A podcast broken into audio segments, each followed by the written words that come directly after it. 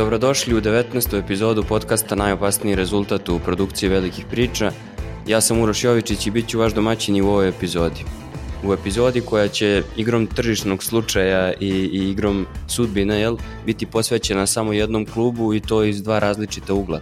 Razgovarat ćemo o tome kako će izgledati promene u vlasničkoj strukturi Manchester Uniteda ako se dogode i da li za taj klub ima spasa, kako se pitaju neki njegovi navijači kod nas na društvenim mrežama i u zajednici koju smo počeli da gradimo oko ovog podcasta i da li za taj klub postoji brzo rešenje. S druge strane, razgovarat ćemo o čoveku po kome je nazvana jedna tribina stadiona Old Trafford, o čoveku koji je obeležio 20. vek engleskog futbala i koji je preminuo tokom vikenda. U pitanju je Sir Bobby Charlton. Danas sa mnom čovek koji je najpozvaniji da o ovoj temi priča, od svih članova naše stalne rotacije, to je Vlada Novaković koji se javlja iz Antwerpena kao i uvek. Ćao Vlado, kako je? Ćao, pa nije loš. Ako se slažeš, pre nego što krenemo sa epizodom i, i pričom naširoko i nadugačko, da damo prostor na početku jednom padobrancu, po znacima navoda, e, ko čita nedeljnik zna da je utorak dan D i da se utorkom prelama broj i da se uređuju novine, tako da Veljko Lalić, koji je glavni urednik nedeljnika i velikih priča, inače veliki navijač Manchester Uniteda, nije imao vremena da sa nama snima čitavu epizodu, iako smo nešto o tome pričali, ali će iskoristiti svojih par minuta da pred nas razlije svoju navijačku bol, kao Petar Graš, što kažu. Ćao Veljko, kako je? Ćao Uroše, ćao Vlado, pa dobro, uhvatili ste me, dakle, poslednji dan kad nešto mogu da pričam o Manchesteru, pošto je to uvek to nešto pred, u poslednjih deset godina, uvek pred NBA ligu i pred novembar, ono, pošto se nadamo nadamo da će nešto da bude od kluba i onda se razočaraš i evo srećom, jel da u pola dva mi počinju Denver i Denver i Lakers i odgledat još i tu ligu šampiona o kojoj možemo da se nadamo kao i Chelsea-evi navijači da možda nešto okrenemo, mada meni tu nada postaje, postaje sve manja. Ja mislim da je definitivno sada ipak utvrđeno da su ovi vlasnici Manchestera nešto najluđe što smo videli i cela ova kupovina, prodaja i ostalo Dakle, to je stvarno onako jedna šokantna stvar. Meni je drago što, što, što Radcliffe ulazi u to i što će Manchester ostati britanski klub. Mislim da je i trebao da ostane britanski klub i nisam se toliko radovao ulasku, ulasku Katara, posebno što mi je tu bilo i nejasno ko je taj čovjek iz Katara, kakav je sad, mislim, ono, nisi mogao da ga nađeš, dakle nije ni to bila kupovina kao sa PSG-om, ali mislim da Manchester kao jel da za mene jedan najveći klub s koji sam odrastao, u sve te zvezde koje je pravio, jel da kroz svoju akademiju, sve to što smo imali i sada, to garnača koji ne može da se napravi, eksplodira, gomila je tu nekih, nekih, nekih mladih klinaca. Mislim da jednostavno stvarno ne znam da li će Ratcliffe uspeti da promeni taj, taj sportski deo Manchestera koji je, koji je najgore jer sve vreme prave pare i ponašaju se kao neki osioni osioni, osioni biznismeni, ali mislim takođe da zaista bez Manchestera i bez Liverpoola nema tu velike engleske lige. To je ono o čemu ste vi pričali, kako bi to izgledalo da nema, da nema City, ali eto, slušam sad i čerku i ove klince da se lože, da se lože na City, ali mislim da bez te crvene boje i bez tih preokreta i vraćanja i bez tog mentaliteta koji ja, kako Uroš zna, ne volim u Liverpoolu jer mi je malo patetičan klub počevši od, počevši od te himne, ali Manchester je uvijek bio to rezistentan, dakle ono klub koji smo navikli kako igra sa Fergusonom, kako pravi svoje zvezde, kako pravi svoje bebe. Sad je bio i ovaj dokumentarac o Beckhamu koji ti vrati celu tu tu slavu, to finale koje je neverovatno i to što je, to što je uvek bio Manchester i to što mislim danas i da nije. I mislim da i Ten Hag je neko ko uopšte ne boji tu kulturu, kulturu Manchestera, dakle onako vrlo ziheraški neka, neka taktika, mislim odavno da je ta najveća naša zvezda i da je tu u stvari najveći problem što mislim da je Rashford vrlo ograničen u tome što treba ponudi. Imamo jednu sezonu tu prošlu da eksplodira u nekom, u nekom trenutku, ali mislim da bez velike zvezde u Manchesteru, to što smo to što smo navikli i bez toga da imaš taj proboj tih klinaca i da osjećaju te boje morat ćemo još dugo godina ili dok se ne, ne, ne, ne isplate Amerikanci do kraja da se mi koji volimo Manchester transferišemo na NBA od novembra, ali eto, srećom kreće i to, tako da, tako da nisam više tako tužan. Eto, toliko od mene i jedva čekam da čujem šta imate da kažete o najvećem klubu na svetu. E pa dobro, hvala veliko na iskrenosti. Večeras počinje NBA i neki drugi navijači Uniteda pažnju usmeravaju na NFL i druge sportove, ali da se ne lažemo, istina je da niko od navijača Uniteda ne može da prestane da se nervira oko toga što se dešava jednom od realno najvećih klubova na svetu. Vlado, da li ti ova veljkova priča zapravo zvuči kao neki ono poprečni presak opšteg mišljenja među Unitedovim fanovima? Manje više ovu, ovu priču možemo da čujemo od bilo kog navijača, samo su možda neke sitnice različite, ali gro priče je sličan. Tu priču zna svako od vraga do popa, je tako? Tako je. Ove, da, u, mislim, to, to je od, otprilike to, sažeto.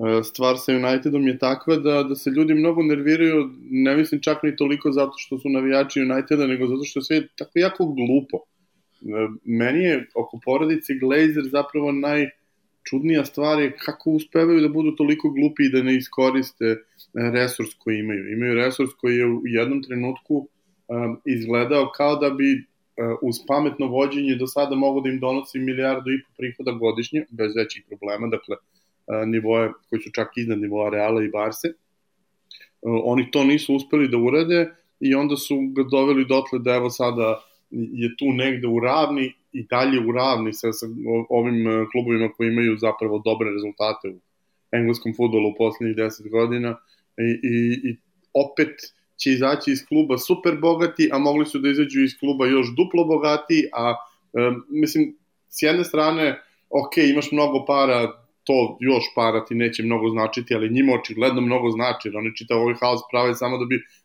zagrebili još malo para. Kako im ne padne na pamet da urade nešto da bi to bilo malo bolje. Uh, uvek se naravno setim uh, nečega iz South Parka, ima ona epizoda kada idu ovaj, da budu pirati u Somaliji, pa kao oni su pirati i Cartman u nekom trenutku pokuša da im objasni koliko su dezorganizovani, lik ima jednu nogu i cupka na jednoj nozi i Cartman koji polomi nogu od stola, zaveže mu tamo i kao, brati, je ovo bilo teško smisla.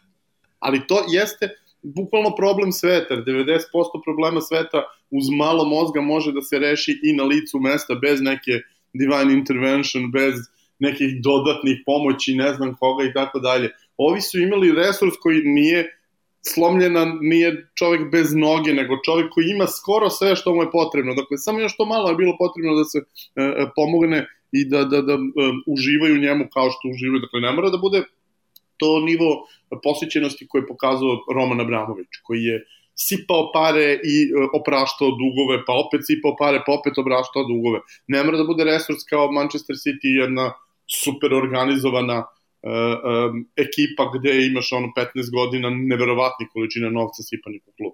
Ne, mi pričamo o tome, ajde za početak nemojte da uzimate pare. Nema ni jednog drugog vlasnika koji uzima pare iz kluba osim njih. Oni su jedini vlasnici koji sebi isplaćuju dividendu u modernom futbolu. Dakle, klub koji najgore funkcioniše od svih, jedini uh, je klub iz kojeg vlasnici izloče pare i drugo, valjda ono kao kad, kad radiš neku vrstu menadžmenta, nećeš da daš autobus da vozi nekom ko nikad u životu nije vozio autobus, nekome ko je, ne znam, odličan veslač. One su to uradili kada su postavili uh, svoga klubskog direktora nakon što je David Gill otišao i mi smo sa tim čovekom gledali 8-9 godina kako klub nastavlja da dobro vesla, ali zato kad on sedne za autobus pobio je 14 oro dece i šest puta mu se autobus prevrnuo i, i, i četiri puta mu je kočnica se zaglavila. Ne, ono što je meni tu zanimljivo je da se to sve dešava klubu, da se to dešava klubu e, koji nema takvu tradiciju, koji nije u decenijama pred, pre nego što je nastupio ovaj period suše koji da nije tako dominirao, da se to dešava nekom drugom klubu, prvo to ne bi bilo toliko ni izraženo realno, ne bi se toliko ljudi ni nerviralo oko toga, ali s druge strane nekako je neprirodno da Manchester, to je i Veljko rekao, to mi pričamo stalno, klub koji je koji stvarno predstavlja nešto važno i u engleskom i u evropskom futbalu i generalno da, da ne može da izađe iz toga i da je to polako počelo na svim nivoima da ga guši do toga da i na terenu izgleda tako i kada je delovao loše pre par sezona, makar nije delovao glupavo. ove sezone nekako, kao što si rekao, kako, kako cela situacija deluje glupavo, tako i cela, cela situacija na terenu, način na koji tim izgleda, način na koji se uh, Ten, Ten Hag ponaša, sve to nekako deluje glupavo i, i stvara tu neku čudnu atmosferu oko kluba, pritom se sve vreme dešava taj proces o kome ti pišeš tekst, ono, pišeš tekst tri godine dana o, o preuzimanju kluba, ko će, mislim da smo pre dva, tri meseca ti ja pričali kao, ajde napravit ćemo tekst, ti ćeš znači, napraviti... Maj, maj jun, te, ne. ne, april, maj tekst je bio 75% gotov. Da. I onda kao, Lada će napisati tekst o, o tome kada novi vlasnici preuzmu United i mi ćemo ga imati spremnog i u trenutku kad se to desi, mi ćemo u pucanj da objavimo tekst na velikim pričama, bit ćemo i aktuelni, imat ćemo super sadržaj i onda se to ne dešava u jednom predviđenom terminu, u drugom, u petom, onda shvatimo da ne postoji zapravo predviđeni termin, a onda shvatimo ni da oni o kojima smo razmišljali kao potencijalnim kupcima zapravo neće ni kupiti klub. I hajde da za početak posvetimo pažnju to, e, priči oko Katara, e, ja sam tebi, čini mi se, predložio još jednu temu u aprilu tamo o PSG-u i ti si meni rekao čekaj da se završi ovo oko Manchestera jer ćemo tek tad imati pravu sliku koliko će se PSG raspasti s obzirom na to da, su, da, su, da je katarski novac i tamo. Međutim, onda se sve to u nekoj igri slučaja menja i evo sada su oni zvanično odustali. Šta misliš da je ključni razlog što su odustali? Mislim, ok, skupo im je, e, ali šta misliš da bi dobro donelo da, da su oni preuzeli klub, a šta bi loše donelo? To je ono što je uvek zanimljivo. Hajde pre što dotle dođemo da samo razložim, ti si tri sloja odlično pomenuo. Ovi treći od, od Tenahu, ako budemo stigli, pričat ćemo i o tome, ali to je trenutna situacija i, i, i o njoj inače pričamo već više puta. Tako je. Ali ona druga dva sloja su jako bitna. Dakle, ta, e, značaj Uniteda i e, neuklopivost u istoriju. Znači, prvo imaš neuklopivost u istoriju, jer klub od 30. godina nikad nije bio dužan ni, ni dinar, a onda je opterećen dugom koji nije napravljen da bi se izgradila infrastruktura kao recimo Arsenal ili Spursi, niti je napravljen da bi se uložilo u tim kao što Chelsea, nego je napravljen da bi novi gazda kupio klub. To bukvalno je nemoguća konstrukcija, ne možeš da uđeš, da klub ti uđe u dug da bi neko mogao da ga, da ga otme praktično, pritom je bio, jeli, ove, ne, neprijateljsko preuzimanje, što bi, što bi se re, reklo ove, u, u finansijskim krugovima. Dakle, e, e, totalna gomila užasno nespojevih situacija, klub koji je najbolje vođen, klub koji je najviše para, koji je velike pare zarađivao kad niko drugi to nije mogao i u kontinuitetu ih je zarađivao. E, to je jedan nivo. Drugi nivo je ovo što, što si e, takođe rekao, to je da e, kak, kako beše si, si, si to formulisao, Uh, uh, ne samo što što je nespojivo sa istorijom kluba, nego, nego važnost je velika. Kada je City preuziman, niko trepnuo nije. Dakle, pa da, tome se u vlasništvu, u vlasništvu uh, uh, kuće koja uh, zaista pod zastrašujućim uslovima uh, uh, drži taj, tu teritoriju koju drži, teritoriju Abu Dabija, uh, ugnjetava strane radnike, ima primjera koliko hoćeš, uh, ne toleriše ljudska prava, sve, sve one stvari zbog kojih je bila drama oko svetskog prvenstva u Kataru, oko, zbog kojih je sada drama oko Saudijske Arabije, sve to postoji u, u Abu Dhabi. Onda je e, Newcastle preuzet od strane Saudijske Arabije, to je bilo malo više drame, uglavnom zbog Kašogija, ali opet je to tako tako. I onda ti 15 godina nakon što je preuzet e, City, nakon što je jedna, kako oni to vole da, da kažu, ovaj diktatorska kuća, država preuzela jedan futbolski klub, kreće priča o Kataru i Unitedu i tebi kreće haos u medijima, e, ako padne United, sve je propalo. Čekaj, brate, mili, pa već su ti pala dva kluba, ta priča se završila, sve je propalo pre 15 godina, ono, ovo je samo prilika da e, jedan klub koji realno zaslužuje da bude gori, jer pokazuje da zaslužuje i dalje zarađuje te tolike pare, Ovi, I dalje, meni, na, je meni na, najbizarnije zapravo? Mi svi percipiramo United kao ekstremno neuspešan u poslednjih 10 godina. Od, od kad je Klopp došao u Liverpool, United i Liverpool imaju 4-4 na tabeli. Dakle, četiri puta United bio bolji četiri puta Liverpool. A Liverpool je to druga najuspešnija era u istoriji, ili tako? Totalno suludo. Druga stvar je sad što je Liverpool u te četiri sezone bio i prvak je osvojio ligu šampiona, United nije. Da, da. Nego, nego je potpuno je suludo kako United i dalje ima taj donji nivo uspešnosti nadrealno visok, samo City ima bolji donji nivo uspešnosti, svi ovi ostali su bivali i Chelsea u donjoj polovini, Arsenal i Liverpool u osmi i tako dalje, Unitedom se to ne dešava, bilo je ono sedmo mesto sa, sa Moisom, ali inače uvek je top 6, uvek je, ako je top 6, onda je osvojen evropski trofej i tako dalje. Znaš kako, sa, samo jedna stvar, to, to je činjenica, ali je činjenica i da se, baš zbog tog značaja koji klub ima i zbog konteksta, znači nakon, period, nakon Fergijeve ere na koju se sve ono dovezuje, to sve deluje znatno manje nego što zapravo jeste. Ne, to, to, je, to, je, to je jako malo za, za klub ovoga standarda, to je manje nego što, što je bilo u, u eri između Bazbija i Fergije u tih 15 godina, kada klub je osvajao samo kupove, ali ih je bar osvajao u nekom kontinuitetu i kontinuirano se borio za titulu, 3-4 puta je bio kandidat za titulu. U ovih 10 godina on nije ni jednom bio kandidat. Čak i kad je bio dva put vice šampion, to je bio vice šampion sa 18 bodova za ostatke za prvi, gde je u decembru trka završena. To nije, nije nivo ko, koji United treba da ima. Ali hoću da kažem, uh, uh, ti percipiraš uh, da je problem kada tebi treći klub upadne u, u, u, u problematično vlasništvo. A pritom, pričamo o klubu koji je ušao u vlasni, koji je 20 godina u vlasništvu najgorih vlasnika koji postoje u Premier Ligi. Dakle, i Newcastle i United pokušavaju da se iščupaju iz dva najgora vlasništva u ligi, Newcastle sa srećom je iščupao. I da, oni su uspeli. Mike Ashley je ono upropastio mentalitet to su, ljudi tamo. To su ljudi koji su, koji su onako zle pijavice i, i on i kompletna porodica Glazer, koji su tu samo da bi oteli pare kako znaju i umeju i ništa drugo ih ne zanima i vrlo jasno to pokazuju svaki put. Dakle, e, nećeš ti od Glazera nikada čuti ništa drugo, oni su vrlo otvoreni oko toga šta rade. Njih ne zanima bilo šta, njih ne zanima core business Manchester Uniteda. Njih zanima samo da se uzme više para i to je okej. Okay. Mislim, nije okej, okay, ali ono, bar je pošteno, nemaju e, te priče o tome kako imaju neke ove filantropske ove misli i tako dalje. Samo je mnogo glupo što, jeli, kad već imaš to on sam sebi ne napraviš više para ako ti je samo to bitno. Mogli ste da napravite da znate mnogo više para za sebe, niste uspeli, stvarno je, je, je smešno. Dakle, ta dva lera su jako bitna. United je kulturološko dobro Velike Britanije. E, na, na što me to podsjeća? Na ovu situaciju sa, sa Jordanom Hendersonom. Pa jeste, ali, znaš kako... Na utakmici ka... reprezentacije da, da. Hendersonu zvižde zato što je otišao u Saudijsku Arabiju. Zašto? Zato što je Liverpoolov kapiten. Čekaj, nije ti problem bio ovih 150 drugih ljudi koji su otišli tamo i ovi što su igrali u Kataru i ovi kojima je, uh, koji, su spon, koji su napravili Emirate u Cityu, ni što ti je Katar kupio London, ni što...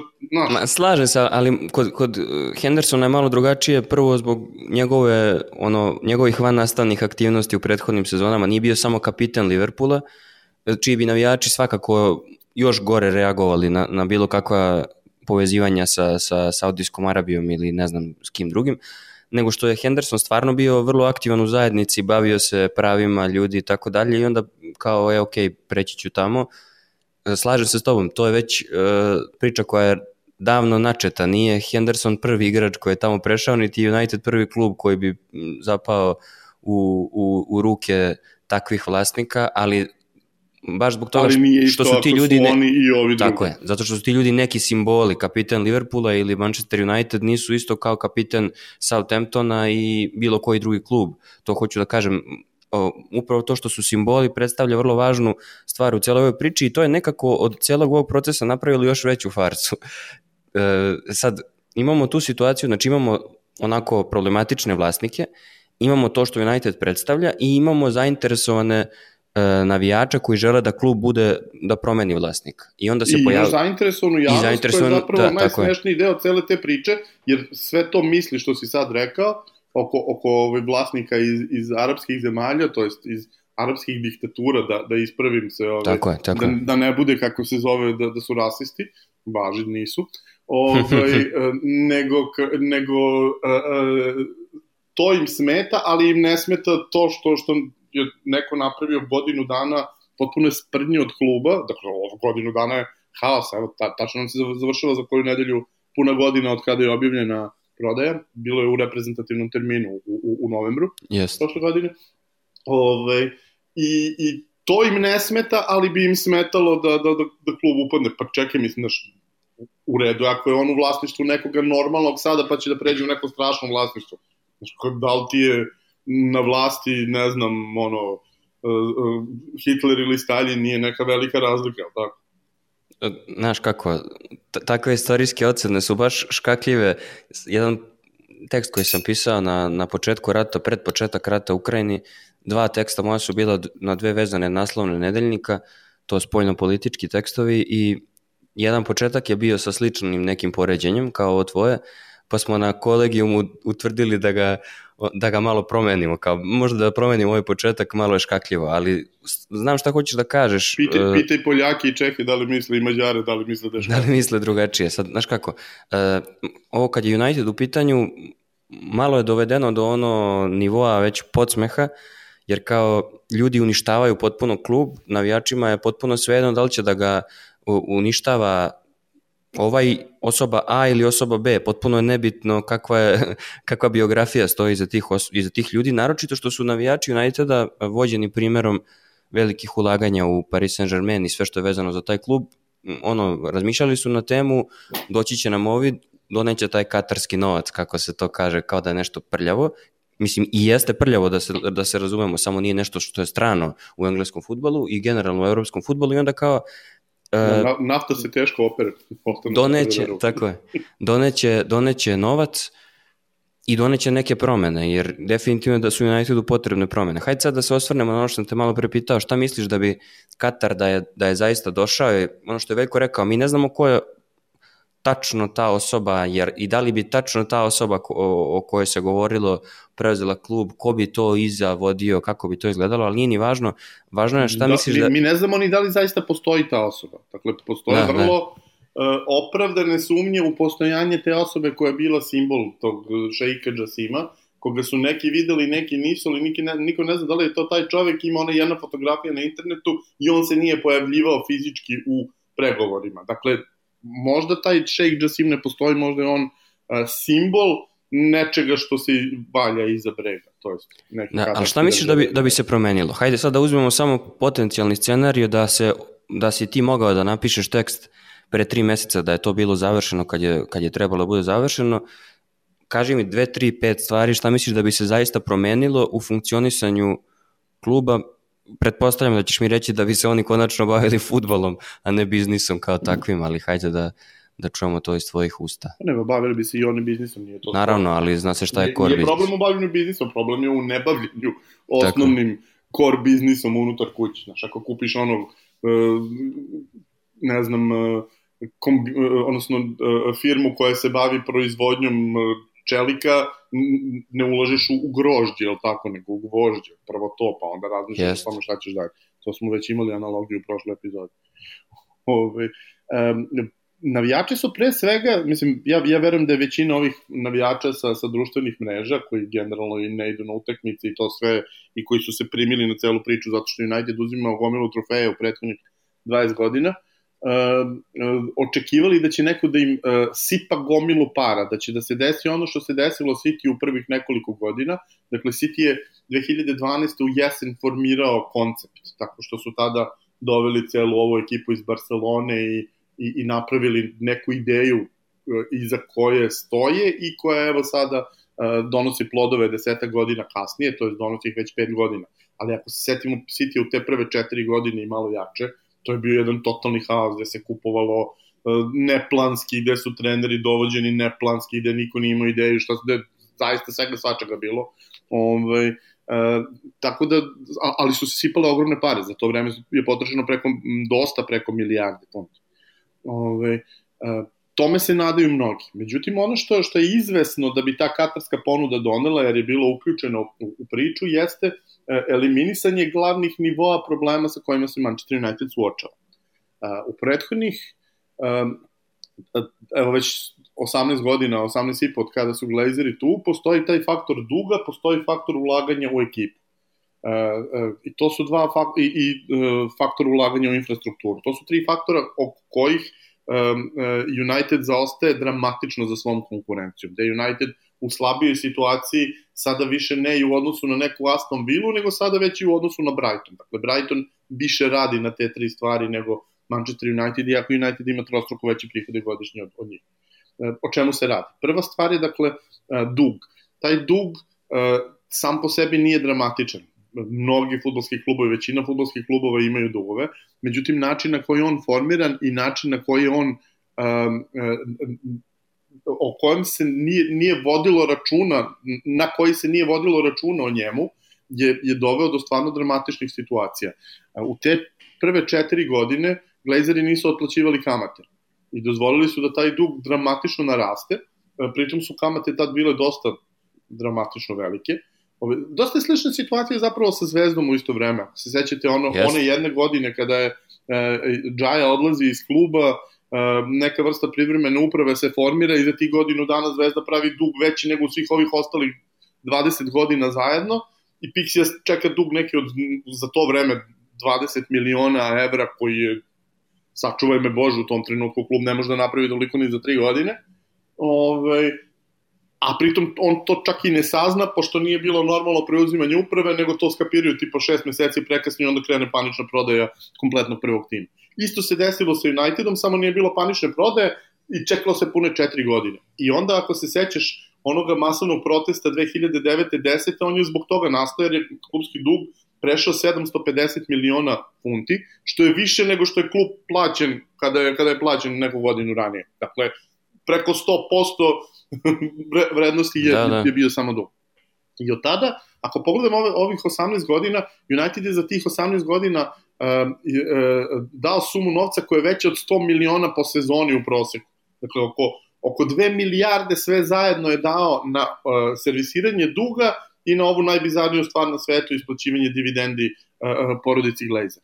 Dakle, uh, nije ni pitanje toga da li će Glazeri dati pare kao što daje kao što je davao Abramović, kao što daju Emirati, nego kada bi ga ostavili na nuli, dakle, ne mora da dođe neki katarski šejk i da da pare, nego samo neka ne oduzima pare iz kluba, to bi bilo preko 100 miliona funti godišnje svake godine. To je već ogromna razlika. To je već jedan do dva ozbiljne igrača više svake godine, to je ulaganje u razne druge stvari. Drugi nivo problema je ulaganje u tim gde su svi ostali klubovi po, postepeno uh, kroz ovu revoluciju koja se događala tamo negde od 2008-2009, ovaj, revolucija inteligencije o kojoj smo pričali, o tome kako je analitika ušla, o tome kako je e, nauka ušla kompletno, e, što se da, tiče o tome, o tome slušalci mogu da, i da čitaju na velikim pričama, vlada je započeo tu temu, pa ćemo je nekim tekstovima, pa ćemo i nekim novim tekstovima još produbiti svakako. Da, već dva, dva tri su, su izašla na tu temu, ali generalno se to provlači kroz, kroz svaku priču, kroz svaki naš podcast,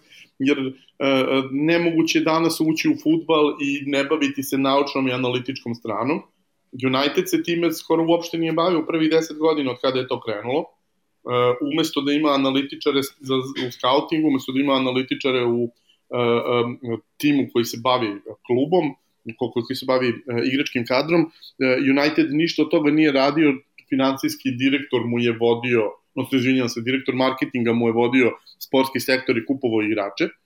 I onda je e, dugo važilo to da United kupuje igrača koji je atraktivan, koji će da preplati igrača zato što on ima ogroman broj pratilaca na Instagramu, računajući da će na taj način pa recimo Paul Pogba, ali tako i bilo koliko hoćeš i zato United stalno kupovao ili pozemljivao one igrače koji imaju 33-34 godina, super su popularni. Pa kad pogledaš e, šta je sve prošlo kroz, kroz klubski e, ovaj, kadar tokom prethodnih 15 godina, mislim ovih 10, od, ali zapravo i sa Fergijem, mislim, on je od Van Persije to krenuo. E, ti si imao i Zlatana Ibrahimovića i Kavanija i Falka, bukvalno svaki biđeniji napadač koji je bio u Evropi tokom prethodnih 10 godina prošao je kroz United. Neverovatno zaista. Ovaj, a su svi dolazili u trenutku ovaj, posle operacije kolena, ovaj sa 35, ovaj sa 34 godine.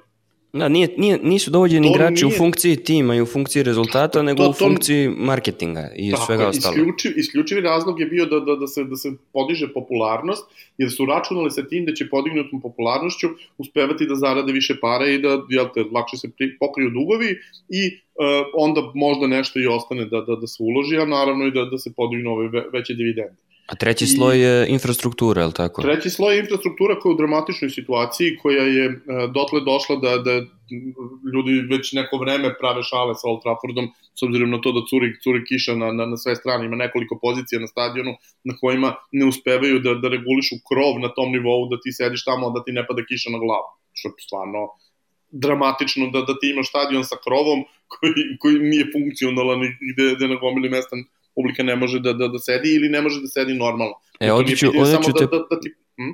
Da, prekinut ću te ovde sa pitanjem, jedan od nasi, naših slušalaca, Jovan Todorović, je pitao da li postoje planovi za izgradnju novog stadiona. I sad, delimično, delimično bi trebalo da se dotaknemo i toga. Možda bi ti planovi postojali da je došlo do ovog katarskog preuzimanja, ali Tako, u ovom trenutku to... mislim da ne postoje nikakvi planovi e, da se... Sad sa ću ti reći, to je kompleksno.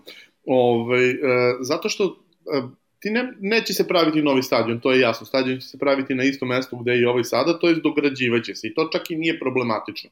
E, najveći strateški problem oko Old Trafforda to je ona čuvena železnička pruga koja vodi od Liverpoola do Manchestera koja, koja bukvalno ide uz ovaj, e, ovu glavnu tribinu na kojoj se nalazi kamera koja je South Stand, dakle južna, to je Sir Bobby Charlton Stand, ovaj, e, i ona se nalazi na takvom mestu da ne možeš da, da dograđuješ lagano, nego ako hoćeš da gradiš preko nje, a moguće moraš da je prebrodiš skroz i da kupiš čit, čitav set kuće sa druge strane, što znači da ne može da bude povećanje za 5000, može da bude povećanje za 20.000 mesta. Što znači da bi se i ta tribina zapravo dovela u isti nivo sa ostale tri, jer je za čitav jedan sprat, a to je za preko 50% je manje od svih ostalih tribina. I to je normalna stvar i to je nešto što se očekivalo da će se desiti još pre deseta godina, da se sledio uh, nivo koji je bio, jer United rekonstruisao kompletno stadion u, u periodu između 1990. i 2005. Najpre sredio kompletno onaj donji pojas, onaj koji se vidi direktno tokom utakmice, a onda je gore dogradio sa najpre jedne, druge, treće strane, pa onda u dva ćoška ovaj, i, i podigao je na, na, na taj način kapacitet sa 45 na 76 hiljada. Dakle, ogromna je razlika i tačno ono što je potrebno to je da se ta tribina i ova dva preostala ćoška završi, to, će, to bi bio stadion od skoro 100.000 ljudi. I to za United zaista nije nikakav problem. Oni imaju waiting listu za godišnje karte koje se, se piše sa preko 100.000 ljudi, imaju uh, preko 100.000 ljudi koji su kandidati za karte za svaku utakmicu ukoliko se pojave, obično se pojavi 4, 5, nekad i 10.000 karata, njih je taj sistem po kojem ako ti ne možeš da odeš na utakmicu ti je vratiš klubu, pa je klub proda negde dalje, a, a tebi se od sledeće sezonske karte vrate ovaj, novci. I e, to, je, to je dosta dobar sistem i dakle ima i razloga da se ulaže, međutim to je zaista ogromna infrastrukturna stvar. Videli smo koliko para su koštali stadioni, koliko je prvo koštalo Liverpool ova e, rekonstrukcija ove glavne tribine, pošto je on kroz tu rekonstrukciju prošao, ali dobro, oni imaju lakšu situaciju, oni su smešteni na, na ivici parka, pa može malo i da se širi. Uh, videli smo koliko je koštala izgradnja Arsenalovog stadiona, onda smo videli koliko je koštala izgradnja ovog svemirskog broda. Od I što je dosta važno, kako su, kako su te izgradnje i rekonstrukcije zapravo uticale na poslovanje kluba Tako i u drugim sektorima. To je vrlo važno. E sad, ovo, ovo, zašto ovo ponavljam i ističem, zato što da je šejk viđeni, neviđeni da je preuzeo klub, uh, računa se s tim da bi on sigurno sva, na sva ta tri nivoa radio nešto, da bi. Uh, da bi radio ne, na... Ne samo da se očekuje, nego i on, on je čak taksativno naveo koliko para bi išlo u kojoj od tih tako nivoa. Je, tako je, tako dakle, je. koliko para, dakle, mi uopšte nismo se dotakli igračkog kadra. Dotakli da. smo se samo uh, infrastrukture, dotakli smo se samo brisanja dugova i dotakli smo se samo uh, uh, sistema po, ko, po kojem se, se te pare dalje mogu, mogu zarađivati. Dakle, ništa još uvek nismo o tome da li bi doveo 14 novih igrača. Taj deo nije bitan.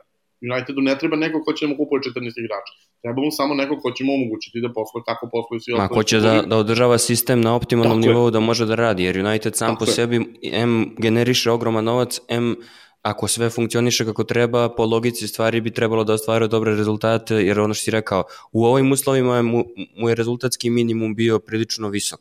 Zamisli da, da normalno funkcioniše. Sad, automatski možemo da se prebacimo na, na ovo drugo. E, pitanje je onda da li bilo ko drugi može na taj način da, da unapredi klub i da li je ovaj kandidat koji će ga ostaviti, jel britanskim, kako je Veljko rekao, da li je on dovoljno dobar u tom smislu.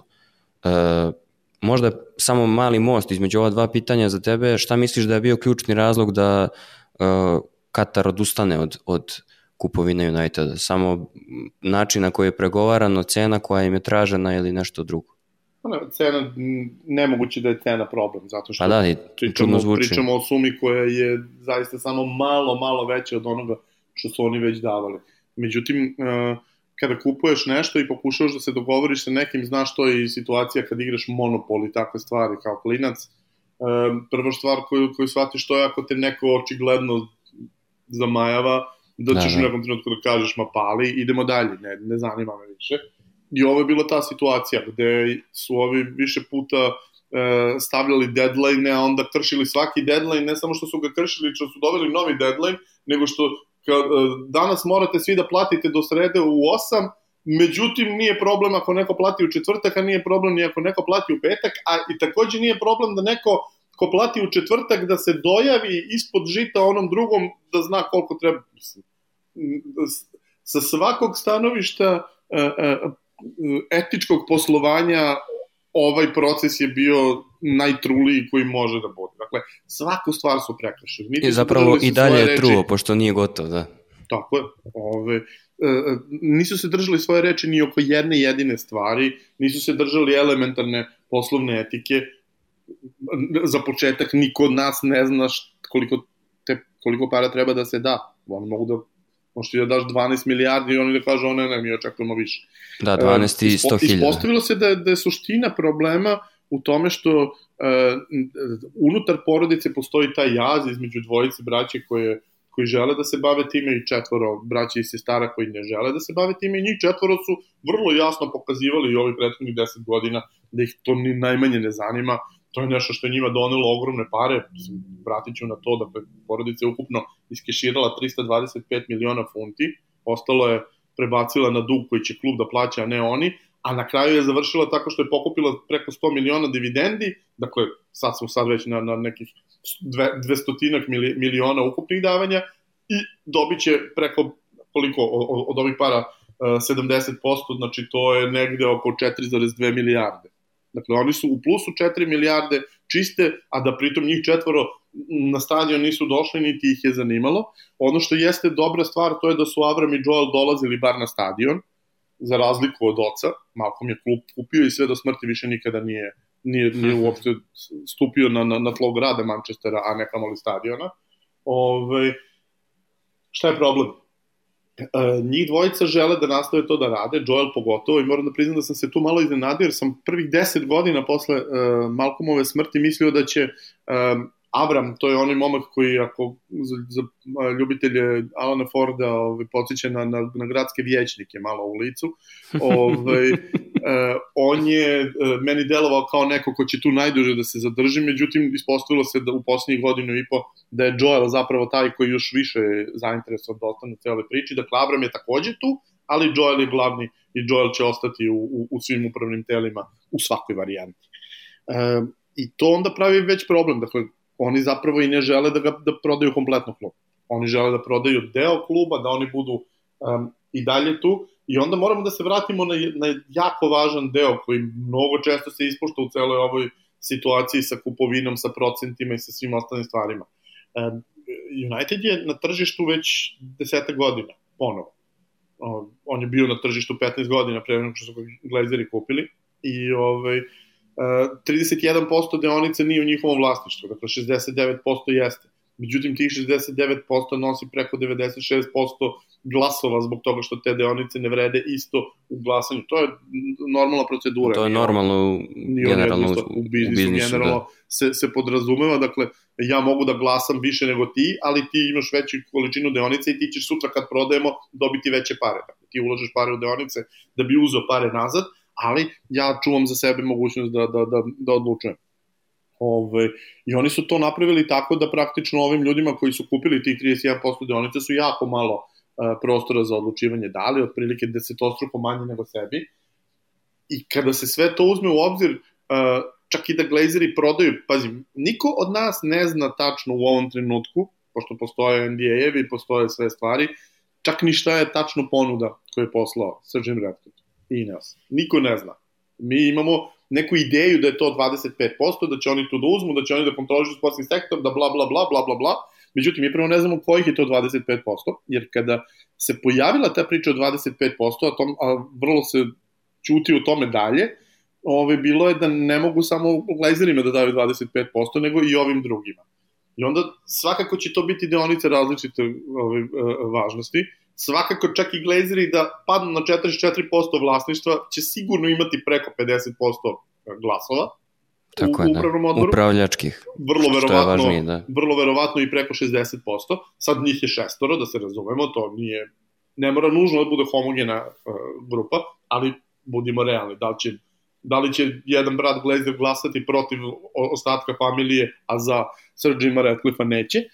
Ove, I s te strane, dakle, čak možda tih 25% do, može da mu donese i više od 25% odlučivanja, znači, na primjer, 32-3, a da opet ništa ne znači, pošto i dalje sve odlučivanje u rukama porodice Glazer. Da naglasimo je, samo slušalcima da smo, da smo upravo zato i uzeli da snimamo ovaj deo, da, da u ovom trenutku kada ne znamo te detalje, kada nismo 100% sigurni e, koliki će zapravo, e, kolika će biti upravljačka moć Sir Jima Ratcliffe-a i šta će on zapravo moći da menja i koliko će njemu pripadati uh, procenata u kojoj u kom delu, da li će on biti uh, vlasnik ili upravljač ili jedno i drugo, da to uprostimo.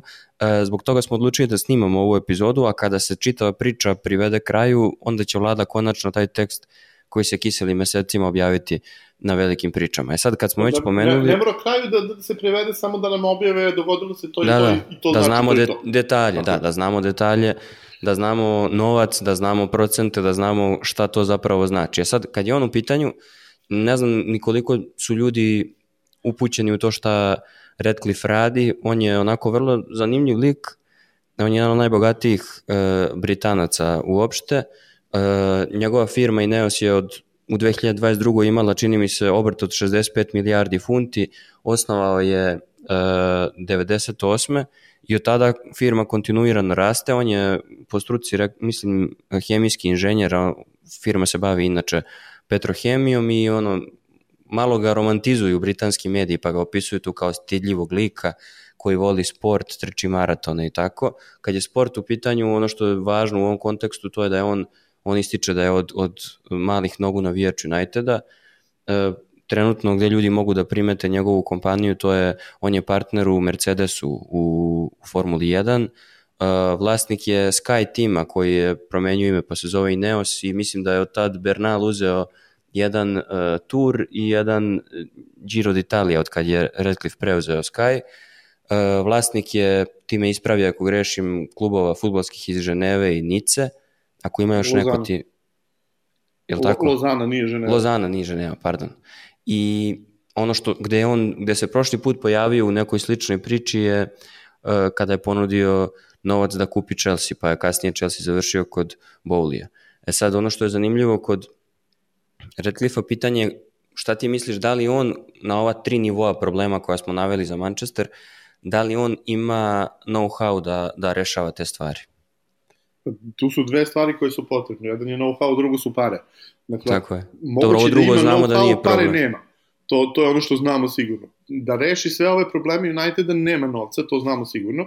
I mogo bi da to uradi jedino ukoliko bi ovaj, uzeo ovaj, kredite, jer za rekonstrukciju stadiona je potrebno. Mislim, teoretski on bi mogao i da ima taj novac.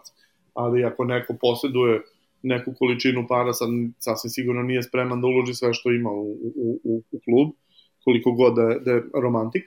A koliko Ove, misliš da bi, da bi para, ajde ovako ugrubo, da bi para trebalo za, za sve tri stvari, za sva tri problema? E, koliko vidim, 100 milijardi mis, se broji? Mislim, mislim da, da, da, da bi United mogao da izađe na nulu za početak, je neophodno nekih 11 do 12 milijardi funta.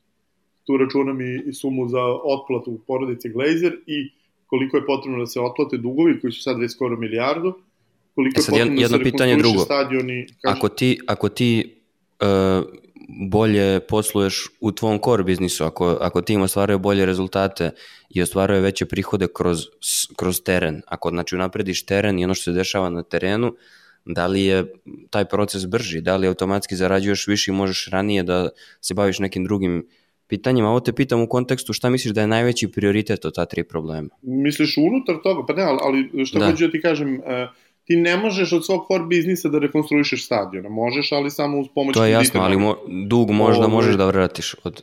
E, pa pitanje je i to, pitanje je da li čak i žele da, koliko je bitno. Dakle, uh, katarska ponuda je jedina koja se jasno odredila prema tome da želi da obriše dug, dakle da, da dug bude nula. Ove, svi ovi ostali bi svakako radili nešto strukturirano, vratili bi deo, ostatak bi nastavili, probali bi da ove, pod novim uslovima za manje kamate um, uzmu dalje, tako da nije čak ni ništa od toga nešto što sada pravi neku veliku razliku, niti što može iz dnevnog poslovanja da, da, da, da se završi. Ove, e, za, za sve to je potrebno da se iskešira odmah. Dakle, neće Glazer porodice dati tebi kredit na 30 godina, nego ti možda uzmeš iz banka da, pa da otplaćuješ 30 godina, ali onda opet pričamo o kreditima. Ono što je bitno pomenuti to je da je Redcliffe e, od starta insistira na tome da ukoliko bude novo kredite, da on neće biti na račun Uniteda kao sada, što je jel, polulegalno, nego e, na, na račun njegove kompanije Ineos, koje je to bi svakako predstavljalo mnogo manji problem, jer Unitedov godišnji prihod je e, negde oko 700 miliona funti, dok godišnji prihod, kao što si rekao, ovaj, Ineos, oko, odnosno obrt, je oko 65 milijardi, dakle njima 100 miliona gore dole. Tako je. Nije neka velika razlika, a ove, ono, štucne tržište tu gore dole, oni odu pola milijardi gore, gore ili dole, a a, ove, a Unitedu ipak jeste 100, 100 miliona. A know-how, ako za pare kažemo sad, da možda može da nađe neko rešenje, da li misliš da on A sad kada, prič, kad kažemo on, uopšte nije bitno da li on lično ima know-how za bilo šta, nego da li ima ideju e, pa to, to ljude koje bi, to, koje bi tu da, aktivirao. Taj problem je, kako se zove, uh, uh, delimično i zbog njega lično, jer uh, nemojmo zaboraviti šta se desilo u Nici, odnosno u njegovom futbolskom projektu koji je do sada držao. On je vlasnik Nice i vlasnik Lozane, prvo je kupio švajcarsku ekipu, pa je dodao francusku godinu kasnije, i njemu je na čelu celog tog projekta do pre godinu dana bio brat rođen. Dakle, to nije pitanje I, imalo bi smisla da, da verujem u to da će on da uveze know-how, da sam video da, da, da je on neko ko će odmah da postavi nekoga, dakle sada kreće priča o tome ko će biti novi sportski direktor, ko će biti sve. Ove, međutim, na osnovu onoga što smo videli do sada, njemu je 4,5 godine, 5 godine, ne zapravo, 5,5 godina projekat vodio brat rođeni, koji to radio dosta loše. Veza između dva kluba je bila takva da su je tri puta menjali u tih 5 godina, da je bilo klasična filijala, pa onda dva spojena tima, pa sad svaki tim koji funkcioniše za sebe i svaki koji ima kompletno sportske direktore, dakle nisu uspeli da naprave ovo što City ili Red Bull prave, a to je jedinstvena struktura gde se ovaj, radi u opštem interesu, pa postoji hijerarhija koja je klub iznad kojega. Ne, nego su napravili to da, da prvo su napravili klasičnu filijalu, onda su odustali od toga i sada svako vodi posao za sebe. I treća stvar jeste to što um, videli smo da Sir Jim voli da se u, uplete u nekoliko sportova, osim ovih što si pomenuo, ispustio, ispustio si jedrenje, koje je takođe jako bitan ovaj, segment njegove priče zbog toga što... Da, ispustio sam i ragbi, on, onaj čita skandal sa reprezentacijom Novog Zelanda, da. gomila stvari, da. Ne, ima, ima tu gomilu još, još stvari gde se on na neki način upliče kao sponsor, ali pričamo o jedrenju, zašto je jedrenje bitno, zato što od njega je praktično sve i krenulo. Dakle, to mu je prvi sport koji ga je zanimao, jer je to generalno stvar koja njega zanima i zaista, mislim, kada živiš u ovakvim krajevima, vidiš da postoji čitava klasa ljudi koji ima futbol nije na, na spisku prvih 20 interesovanja, jednostavno ono, jedan tu je driličarski klub gde ono ljudi, deca iz njihovih porodice se bavi time, a futbol će primetiti nekada sa 25. Um, Sir Jim je na osnovu onoga što smo videli šta je radio sa, sa svojim klubovima i kada je u pitanju njegov biciklistički klub, jer nemojmo zaboraviti, on je doveo na čelo biciklističkog kluba i na, čelo celog svog sistema sa Jima Brailsforda koji je uh, uh, čuven po tome što je što je učestvovao u tome da, da, da Britanija postane super sila u, u svetskom biciklizmu. Tako je, tako je. Uh, međutim, nad celom tom pričom postoji jedan ogroman oblak, a to je da je kojim slučajem se sve to dešava na, na drugom kraju Evrope, oni bi bili odavno pod svim suspenzijama koje postoje. Uh, u nekoliko navrata neki od njihovih najvećih takmičara su otkriveni u korišćenju dopinga, a sasvim sigurno ćemo kasnije saznati da su i neki drugi to radili. Tako da taj nagli, uh, nagla izgradnja dopinga, uh, doping kulture u, u, u toj, ovaj, to je zanimljivo inače da, da je centar britanskog biciklizma je u Manchesteru, tako da uh, bi za njega to bio praktično domaći teren. Ove, tako da, da to što se desilo sa britanskim biciklizmom u tom trenutku pre 15 godina i što je trajalo tih 10 godina je pod zaista velikim znakom pitanja. Ono što jeste činjenica to je da od kada je Redcliffe preuzeo klub i od kada oni vode Sky kao neku vrstu skoro pa nacionalnog dobra, taj klub je potonuo sa prvog mesta na treće, Jest. četvrto. Ove, druga stvar je Mercedes, jeli, koji je preuzeo u trenutku kada su bili neprikosnoveni prvaci sveta, pa je došao sada da ne može da vidi Red Bull u daljini. A neko, neko zlonameran bi rekao da sad, ako on preuzme United, nema mnogo prostora ka dole. Tako da, pa, ali, možda, ali, možda će to da mu popravi prosek.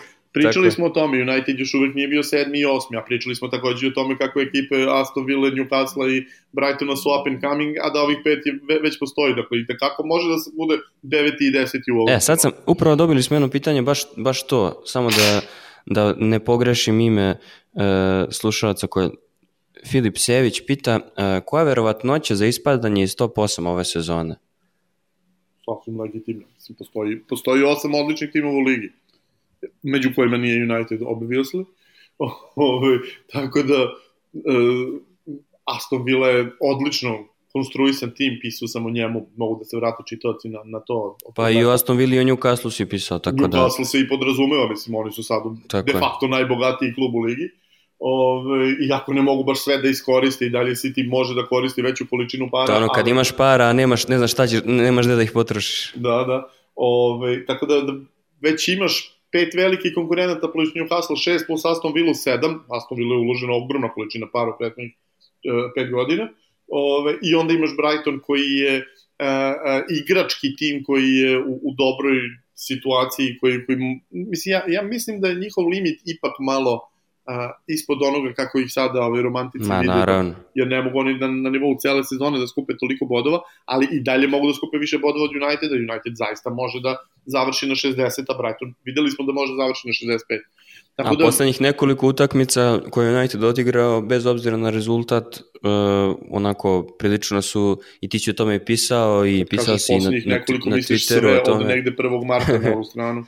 Dobro, da, ali poslednjih nekoliko su zaista ono, kao da je Ten Hag digo ruki i rekao, evo radite šta hoćete ili bukvalno radite šta svako od vas poželi da što, da što grdnije ovo izgleda. E sad, ja ću, ja ću, pošto su pitanja prevashodno vezana za teren i šta bi neki novi vlasnici menjali na terenu, ja ću izdvojiti, zapravo ću grupisati u dva pitanja. Prvo je gde te, pitanje gde te naši slušalci mole da uključiš ono svoje fantazije na maksimum i kaže ovako, svodi se na ovo, kada bi sada postavili vladu za sportskog direktora, znači zovete Redcliffe i kaže ti si sportski direktor, da vlada kaže kog bi trenera doveo, da možeš da biraš i nekoliko igrača za koje misliš da bi bili, da se dobro s tim trenerom mečuju i da bi mogli da promene, ljudi traže stalno instant rešenja, što je vrlo teško, ali da postoji takva opcija koga bi doveo. Hajde, nemoj sad da, da ne, budeš ja, ziheraš, nego... Ne, ne, nije pitanje ziheraštva, nego apsolutno ne bih na taj način razmišljao. Mislim da United nije uopšte trenutno u stanju da, da, da su došli ne katarska ekipa, nego da je došla gotova struktura ovo iz Barcelone sa sve katarskom ekipom kao što je došla City-u. Ove, njima je trebalo četiri godine da uspostave sistem i da dovedu Pepa Guardiola.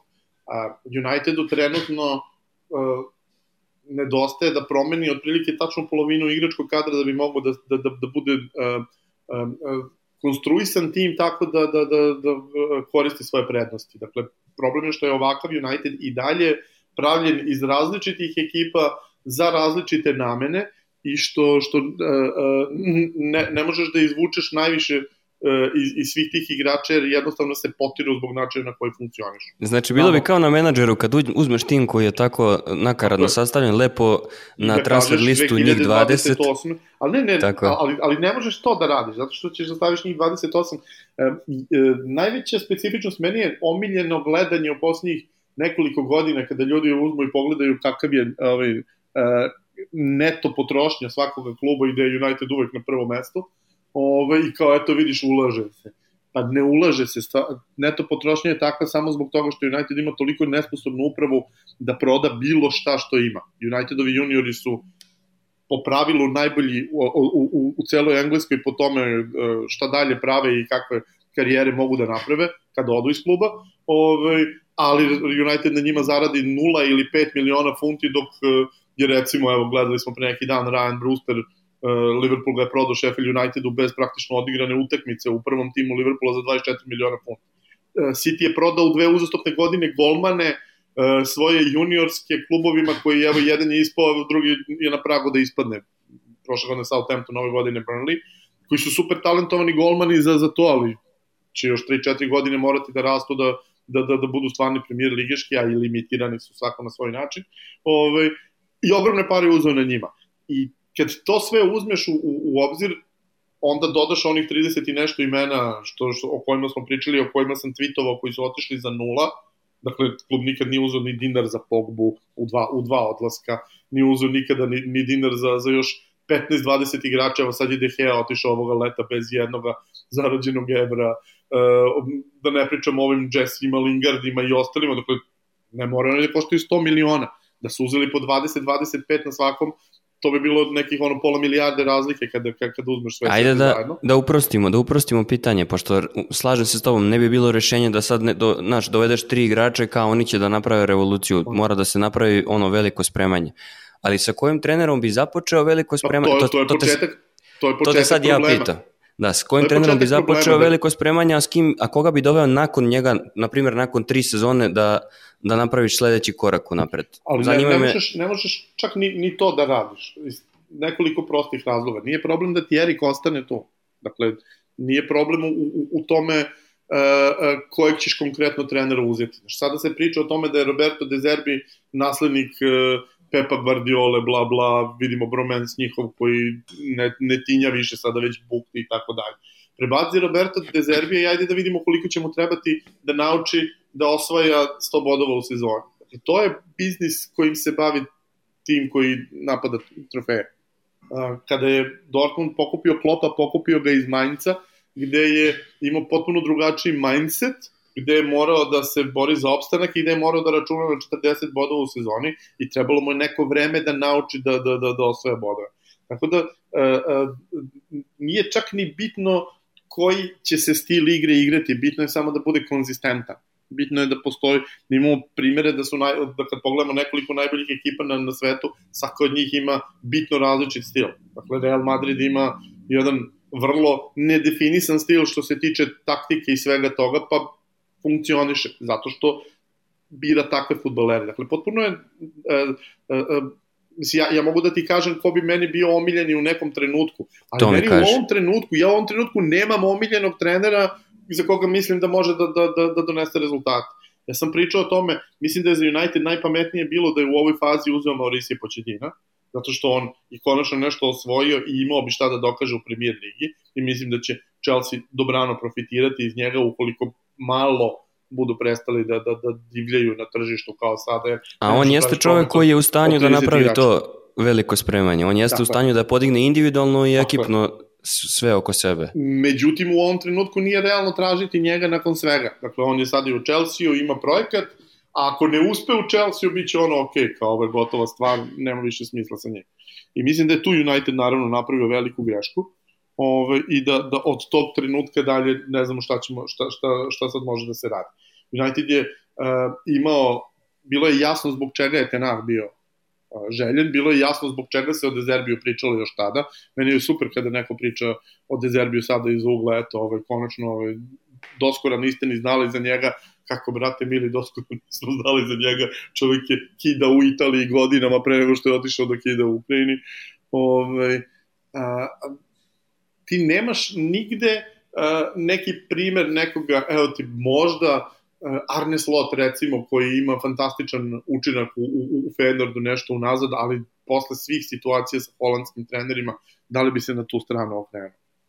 Da li bi smeo, da, da rizikuješ? Pa znaš, e sad... baš je suicidno. U Francuskoj ti nemaš uopšte taj tip trenera, niti taj tip klubova, gde najatraktivniji trener vodi ekipu Remsa, ovaj, value for money, znači od njega do ovog nivoa je 100 godina, ali on je klinac, tako da na njega, njega ima smisla ulagati e, tokom celih godina i drugo on je englez, tako da eto ti možda nečega, zapravo ne samo da je englez, nego i severozapadne engleske, tako je, dakle, tako komšije. Znači njega uzmeš i onda ono računaš s njim sledećih 12 godina. Ali da bi naučio šta treba da radi, onda ga dovedeš u Nicu, a onda ga u Nici treniraš, pa kad bude tamo osvojio titulu, onda ga dovedeš u United. Ali ovaj, na, na nivou sada, uh, danas nešto, mislim da je, da je prva stvar koja je potrebna neko ko, ko bi uneo disciplinu u klub, Erik Ten Hag ne deluje kao da je u stanju da uvede disciplinu, on se ponaša kao uvređena mlada, dakle on, ako hoćeš da budeš disciplinator, moraš da budeš disciplinator na nivou toga da budeš pošten, dakle da budeš korektan prema svim svojim uh, štićenicima. Uh, Ferguson Dobro, je popustio je pokazao trenutka, da to nije, da. Ferguson je popustio onog trenutka kada je to prestao da bude. On sa Cristiano Ronaldom to nije bio, on je drugima drugima nije praštao ništa, Cristiano jeste, i onda je iz toga doveo situaciju do, do, do, do, do toga da atmosfera u klubu tih poslednjih nekoliko njegovih godina baš nije bila dobra. Ovaj, I onda tebi treba, da, da, dakle, neko ko će da bude kao Fergi negde oko 90. i 95. godine, ko stvarno neće imati problem da preseče, ali će zato to raditi na, na, na korektan i pošten način i da bude jednako, uh, jednako fair da. prema svima. Bez dvostrukih Ove, hršina, da. Erik to smo videli sad. Očigledno to nije. To smo videli i u ovoj seriji o, o Beckhamu koji, koji veliko spominje, koji, o kojoj svi pričaju, o kojoj je bilo tri teksta na, na sajtu velikih priča, gde su ljudi onako koji nisu upućeni bili u to koliko je zapravo bio, uh, on, kako kažeš, disciplinator uh, Sir Alex, pa ona priča oko Beckhama i venčanja i poziva da se vrati uh, odmah i, i, i čitava ta... To, to, je već, to je već iživljavanje. I, i, I to nije, Fergie nije to redko radio u tih nekoliko godina, nemoj zaboraviti da je stano prodao u roku od tri tako dana nakon što je ovaj objavio tekst u kome ga je optužio da je uradio nešto što nije bilo u tom trenutku dozvoljeno. Ove, ovaj, I to, to je generalno problem. United u to vreme prečesto imao autobiografije igrača koji su još uvek imali aktivne karijere. Seti se da je i Keane napisao u svojoj autobiografiji koja je obiljena dok je još igrao da je namerno povredio eh, Holandovog oca i da je onda zbog toga dobio naknadno, protivno svim pravnim e, aršinima, ovaj, dodatnu kaznu, tri utakmice dobio za crveni karton tada, onda godinama kasnije još pet utakmica zato što je namerno to uradio. Znate, polovina onih teških povreda su namerne, pa niko drugi nikad nije kažen za to. Ove, Tako je. Ovaj, da, ali, možda, možda ne treba diktator Unitedu, ali neko ko će svakako ne, ne, da, diktator da, više da ne može zbog toga što, što ove generacije današnje ne mogu ne da trpe diktatora, nego ne mogu da trpe ni nekoga ko će da vikne na njih. I to se zaista vidi sa svih strana. To gledaš i kod klinaca u obdaništu i kod klinaca koji igraju futbol i kod, znaš, vrlo su specifični. Ima, meni je naj, upadljivija stvar u celoj priči bila kada Beckham priča o tome kako nisi mogu da dođeš u bilo kakvim kopačkama osim crnih, sada ne možeš da vidiš crne kopačke na, na, na stadionu u životu. Ali to zaista znači, mislim, ljudi mogu da se smeju, ali meni to zaista znači. Ja kad vidim ekipu koja igra u crnim kopačkama, onda imam sasvim drugi nivo poštovanja prema toj ekipi, jer znam da je toj ekipi futbol prioritet, a ne prioritet da budu atraktivni na ovaj ili oni način. Da, svojevremeno je u, u našem prvenstvu srpskom bilo nekoliko igrača, nekoliko veterana koji su nosili crne ili crno-bele, one kopačke koje je Zidane furao, svi ostali su nosili šareni. Tačno si znao da je to razlika generacijska, da su ovo neki stariji igrači, iskusniji, a, a ovo neki mlađi. Mislim, kopačke su zanimljiv primer, naročito kad spominjemo Bekama i čitavu tu priču i disciplinu. Ti si nekako uspeo u ovom prvom delu epizode, većem delu da naglasim, da, da podcrta šta su Glazeri najviše pogrešili, koje su, koje su tri osnovna lejera gde, gde su problemi uh, Manchestera u, u ovom trenutku i šta bi, na čemu bi trebalo da rade novi vlasnici. Mi ne možemo dalje da pričamo o tome šta će da radi Redcliffe dok ne budemo znali detalje o kojima smo već pričali, koliko će on zapravo moći da utiče od kog trenutka i tako dalje. Tako da ćemo to, da, to ostaviti... To je, to je najsporniji deo, zbog toga što uh, uh, trenutno je, e, su društvene mreže preplavljene PR-om njegovim. E, video sam čak na recimo 10 onih e, veoma popularnih akaunta sa po preko milion pratilaca, skoro pa isti tekst koji objašnjava zbog čega u stvari nije loše što je Sir Jim tu, a ne neko drugi. I, i svi objašnjavaju kako eto sad će on da se bori za um, uh, futbalsku stranu, pa će za tri godine ovi da odu, prvo mi ne znamo da li će oni da odu za tri godine, to dok mi neko ne, ne dokaže na papiru, ne verujem. Druga stvar, pošto je očigledno da je Joel stalo da ostane, druga stvar, evo sad smo saznali da će i u futbolskim rešenjima da odlučuje direktno i Joel Glazer, ove, ali pritom i ostala dva čoveka su, jedan je Sir Jim Ratcliffe koji nije futbalski znalac, koji čak i sa pravilima ne stoji baš najbolje, i ove, kako se zove, i, i Bresford koji je biciklista, je li tako? ovaj, koji jeste njemu šef sportskog tima, ali nije iz ovoga sporta. Ono što što je meni najindikativnije, to je uh, uključenje uh, čoveka koji je um, u ovom trenutku uh, direktor Nice, koji je pre toga bio u Paris Saint-Germainu i uh, u Juventusu, ovoga, bože kako se zove, Jean-Claude Blanc, koji je uh, bio, dok je bio Juventusu, je, je bio umešan u izgradnju stadiona uh, i kome to ulaganje u infrastrukturu, odnosno organizaciju infrastrukture i marketinška strana uh, najjača. Dakle, ok, to nije futbalska strana, ali jeste neka nada da se razmatra rekonstrukcija stadiona u tom trenutku. Ovaj, on je proveo nekih pet godina u Juventusovoj upravi, onda 12 u, u Parijskoj, gde do duše nije morao da, da radi na rekonstrukciji stadiona mnogo, ove, i gde je para bilo koliko hoćete. I u oba kluba, u, u, u oba kluba je došao u trenutku kad su bili u, u težoj situaciji, pa su odjednom ušli u bolju situaciju. Došli u Juventus u trenutku kad su bili izbačeni u drugu ligu. Da, to je tračak ove, nade onda za navijače. Ali pazi, ali, ali to je stva, samo ta, taj deo biznisa. Ono što za sad još uvijek ne vidimo, to je ko bi se zaista bavio futbalskim biznisom. Niko od njih nije futbalski čovjek. Ove, i, I drugi ljudi koji, koji su uključeni u, u vođenje ineo sporta su iz jedrenja, iz biciklizma, iz raznih drugih sportova, nisu vezani za, za, za futbol. Ne mora da bude nužno loše, naročito na tom u tim najvišim strukturama, ali ako oni imaju dobra futbolska rešenja, pa, za ključne vidi, pozicije. U, da. u nekom u klubu koji drugačije funkcioniše od Uniteda, to ne bi bilo loše. Znači, kad bi City ili Liverpool to dobili, to bi zaista bilo dobro. Problem sa Unitedom je u tome što su uh, naj, najveća muka Uniteda svih ovih godina. Zašto je kasnio sa svim i zašto je u poslednjim trenucima rešavao svaku situaciju i zašto te kada uh, svi na svetu vide da problem postoji, prizna i uprava da problem postoji, je u tome što um, je struktura odlučivanja bila takva da, su, da je porodica morala da odluči bukvalno o svakoj kupovini, o svakoj prodaji, o, o svemu što postoji. I onda, dok Joel Glazer ne poveruje u to da zaista ekipa će da, da ispadne iz lige kao što je verovao posle dva kola prošle sezone, on neće da potpiše ček da dovede jednog ili dva nova igrača. Uh, videli smo kako je to funkcionisalo, kao što rekao, u, u tim prvim tenahovim utekmicama, gde je on posle dva meča imao nula bodova i gol razliku 1-6 i pred Liverpoolov dolazak na Old Trafford su svi pričali o tome da United zaista kandidat za ispadanje.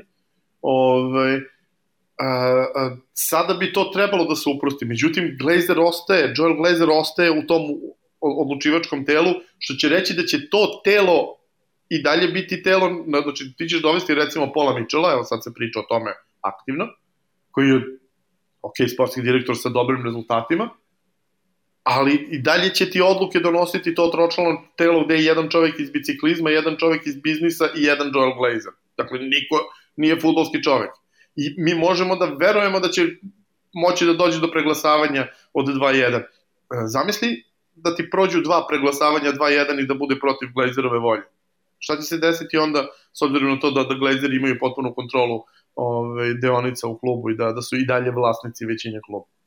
Da, situacija ne deluje uopšte čisto kad je sve ovo u pitanju, ovaj proces ne deluje kao da je pri pravom kraju, možda samo ovaj, ova epizoda, tako da ćete o svemu tome čitati baš detaljno na velikim pričama kada budemo saznali neke informacije koje su od značaja, upravo ovo što je vlada rekao, da vidimo koji je zapravo uticaj Glezera, koji će ostati uticaj, koji će biti uticaj Redcliffa i njegove ekipe. E, nekako prigodno da sad završimo ovaj veći deo epizode i da posle kratke pauze se posvetimo jednoj tužnijoj, ali značajno svetlijoj temi kada je Manchester United u pitanju i da pričamo o, o Bobiju Charltonu. Podcast Najopasniji rezultat proizvod je velikih priča. Pretplatite se i čitajte tekstove najboljih novinara i pisaca iz regiona. Zapratite nas na društvenim mrežama i na svim audio platformama, podelite nove epizode sa prijateljima, lajkujte i ocenite. Evo, vraćamo se posle kratke pauze. E, posle ovog e, jednosatnog renta o svemu što se dešava u Unitedu i o, o, o ljudima koji ga vode i koji ne deluju da će prestati da ga vode makar još neko vreme, da se da pričamo o čoveku koji je u mnogome doprineo da Manchester uopšte ima značaj kakav danas ima, koji je predstavljao simbol onoga što man, navijači Manchestera vole da misle o svom klubu i što je vrlo često vrlo tačno i o čoveku koji je, Vlada je to napisao ranije, najbolji engleski futbaler 20. veka. Misliš da, da to nije prejaka izjava?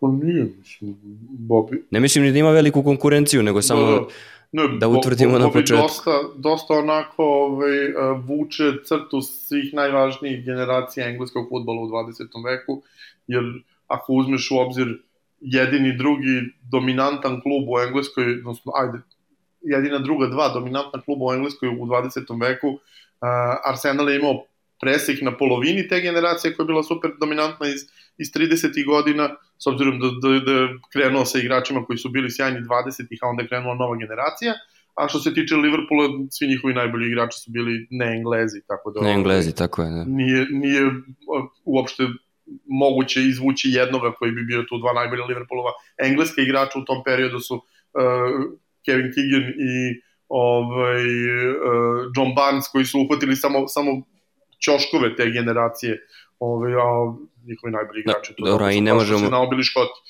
I ne možemo njih dvojicu uzeti u, u istu u rečenicu to, sa, to, to potpuno dru, sa, drugi, sa Bobijem. Druga ravan. Šta je tebi onako kad te neko pita kao navijaču Uniteda, videli smo recimo šta Beckhamu Bobi predstavlja od onog imena koje nosi do, do značaja za njegovog oca i čita u tu generaciju navijača Uniteda kojima je on bio taj simbol. Moj jedan jako bliska osoba moja e, je navijala manje više od, od početka 50-ih kada je prvi put do, do, do nje, kada su dospeli e, bilo kakvi natpisi u Unitedu. United je postao tom čoveku značajan, a onda se desila minhenska tragedija i onda je ušao u njegov život potpuno i onda sam ja uz njega uh, saznavao zapravo šta je United predstavljao tim starijim generacijama. E sad ti si tačno generacije ispod te, tako da me zanima šta je tebi uh, šta je tebi predstavljao Bobby? Uh, ja sam, jesam ovaj, stariji čika, evo, uskoro ću imati jubilarni rođendan, ali ovaj, nisam toliko star da se sećam Bobija kao igrača. Naravno. A, prvi, ja sam počeo da navijam za United zbog Briana Robsona, kada je dao onaj čuveni gol Francuzima 82. na svetskom prvenstvu posle manje od pola minuta. Da, ko te I, čita ovaj, pažljivo, onda te je pročitao u, u skorašnjem tekstu. Ali, ovaj, kad razmišljaš o Manchester Unitedu u tom trenutku, uh, tri imena znaš, jedno ime je ovaj, Matt Busby, svi znaju za Busbyjeve bebe, ili kako bi se to u to vreme kod nas reklo, Bezbijeve bebe. Ovaj, druga stvar koju znaš to je George Best i treća stvar koju znaš je Bobby Charlton i to Charlton iznad Besta. U tom trenutku mi jako malo znamo o, o, o svemu tome, ova prethodna generacija to doživljavala u real time, ali ja kao što rekao, rođen sam 15 godina posle Minhena, tako da e, do tog trenutka je već prestala ta live edukacija. E, jako je zanimljivo da iz tog Trinity, iz tog sveta utrojstva Unitedovog iz 60. godina o Denisu Lowe se skoro uopšte nije pričalo, bar na našim prostorima. I ja sam za Denisa Loa saznao tipa kad sam imao 13 godina, a, a Bobija i ovaj, George Besta sam znao kad sam imao, čim sam sa, saznao za futbol. Opet da, da, da se razumemo, to čak ni ti ne možeš da razumeš, a pogotovo ne ove, ovaj, mlađa publika, koliko mi zapravo smo malo informacije imali o svemu tome, jer niti smo mogli da gledamo futbole, niti smo dobijali redovno rezultate, niti bilo što, znaš, ti saznaš ko je bio prvak četiri dana posle završetka sezone negde. Na tom nivou je bilo izveštavanje o, o, o stranom futbolu kod nas. Samo evropske kupove finala smo gledali, a iz ostalih evropskih kupova imaš jednu utakmicu u jednoj nedelji. Dakle, neki tim Liverpool si uspeo da vidiš u, na, u njegovoj super, super eri možda 7-8 puta na, u prenosima i to je bilo wow, njih smo ono, videli 8 puta, ove ostale nismo nikada. Ove, I uh, od uvek znaš za Bobija i prva stvar koja ti je kod Bobija dosta upadljiva, to je, mislim, meni neverovatno zaista zvuči da je Bobby umro u 86. godini moj subjektivni osjećaj da Bobby ima 140 godina. Što prvo, Bobby je zbog svega što se dogodilo, uključujući Minhen, uh, jako rano ostario i ti vidiš kod njega u finalu Lige šampiona u trenutku kada ima ovaj, 30 godina, ove, da je potpuno izgleda kao čika od 50 i više. To, to ti je kao oni, oni ratni dnevnici sa, sa Tako krfa i stranih ovih Da, uh, da. novinara koji pišu o srpskim vojnicima kao oni momci imaju po 20 godina, svi izgledaju 15 godina starije, bukvalno, Ne, ostarili mislim, su. Pa, pazi, ti, ti to imaš u futbalu stalo. Uh, uh, neke od mojih omiljenih stranica na društvenim mrežama su one koje prate slike futbalera od pre 40-50 godina koji svi Tako izgledaju je. kao da imaju po 55, a u stvari imaju 23. Ali Bob je bio još stariji u odnosu Još na, starije, na, na tako je, standardne. tako je. Bob je recimo, ovaj, kako se zove, tu negde sa Peleom, ono, tri godine stariji od Pele, on je izgledao tipa 20 godina stariji od Pele, a tih ranih 80 godina kad si ga video prvi put. Tako da si ga nekako uvek doživljavao kao čiku. Ja posle kad sam, jel te, se bav, kad sam počeo da izučavam tu stvar, pošto tad, jel, takođe nije bilo na interneta, morao se iz knjiga, ovaj, tek, tek onda shvatiš, čekaj, on je 37. godište, on je imao 36 kad sam se ja rodio, a ne 65. Ove, I uvek mi je to, znaš, ne, nekako sam uvek e, doživljavao da su oni Mad Busby tu negde generacijski. Stvarno Da, da. bili Što nema veze. dramatična razlika. Ove, I u, on je uvek nekako bio taj duh engleskog futbala, ali za United je on predstavljao zapravo uh, simbol svega, jer je United pre nego što su došle ove sad velike pare i ove mo moderni futbol, uh, bio generalno Phoenix klub. Kada ti se desi nešto što se Unitedu desilo u Minhenu, klub obično propadne posle toga. Vidite šta se desilo sa Torinom. Dakle, oni su bili najveći italijanski klub, imali Tako su I nakon avionsku Superge- nesreću, Superga i od tog trenutka Gran Torino više nikada nije postojao, nije čak ni on u svom gradu bio najveći. Pa imali su onu, je- onu jednu situaciju kad, uh, Ja, su- početkom kad su bili- 60-ih, Tako je. kad su bili Ali- jako dobri, ali to nije ni, bi- bilo ni blizu onoga što su predstavljali ranije. Tako je, i više se nikada nisu vratili. United je posle 58. prvi trofej uzeo pet godina kasnije, prvu titulu sedam godina kasnije i bio prvak Evrope 10 godina kasnije. Dakle, iz, ne od nule, nego od bukvalno za malo da pogine trener, za malo da pogine kapiten, za malo da pogine sve i poginulo je osam startera, uključujući najboljeg igrača. Ove, Danka Nedvarca. Tako Ove. I uprko svemu tome su, su uspeli da, da, da izgrade tim koji je i dalje bio baziran na sobstvenoj deci. Dakle, s jedne strane, Bobby je deo Bazbijevih beba, tih prvih generacija koje su osvajale prvih pet juniorskih FA kupova u istoriji jedan za drugim, ovaj, koji je sa, sa e, najmlađom generacijom u istoriji engleskog futbola osvojio titulu, pošto oni bili prvaci 56. i 57. sa prosekom od 20 i 21 godine. Tako Ovaj, su i dospeli u Beograd Tako je početkom E, 58. koji je uh, jedan od onih nekoliko koji su preživeli i ostali na terenu, uh, pošto osim što je, što je osam futbolera poginulo, još je nekoliko njih de facto ili skoro skoro završilo karijeru posle, posle Minhena. Zato što Ja moram da ispričam na ovom mestu jednu priču, ja verujem da je ti znaš, ali pretpostavljam, pošto nije toliko poznata da, da dosta slušalaca ne zna. E, Sve što se desilo, znači Minhenska tragedija, dogodila se 6. februara 1958.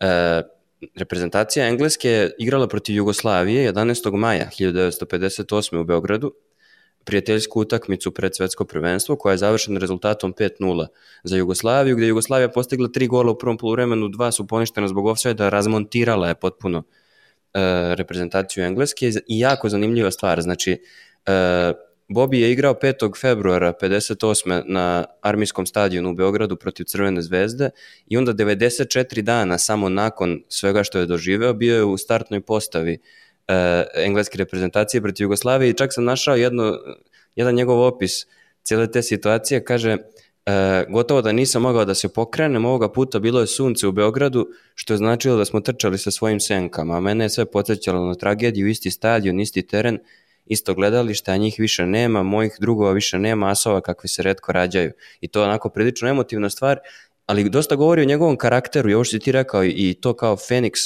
e, simbol čitavog kluba, ali njegov, njegova hrabrost, njegov karakter, on čovjek nije nakon toga odustao, on je 94 dana nakon toga što je doživeo izašao ponovo na teren i igrao futbal i nekako to je, to je ne, metafora. Isti taj teren u, u drugom Tako kraju. Evrope. Da. Ovo, pa ne, ne samo to, e, ljudi ne znam koliko to znaju, ali United je te godine, ovaj, pogibija se desila u februaru, United je 13 dana posle toga igrao prvu utakmicu protiv Sheffield Wednesday u kupu, pobedio, Tako je, e, tako je. 3-0, i ne samo to, nego su stigli u finale kupa te godine. Dakle, United je te godine ne samo što, je, što se vratio na teren, što je sa kompletno prikupljenim timom sa svih mogućih različitih strana. Bobby otišao kući, inače posle toga nije hteo da igra više.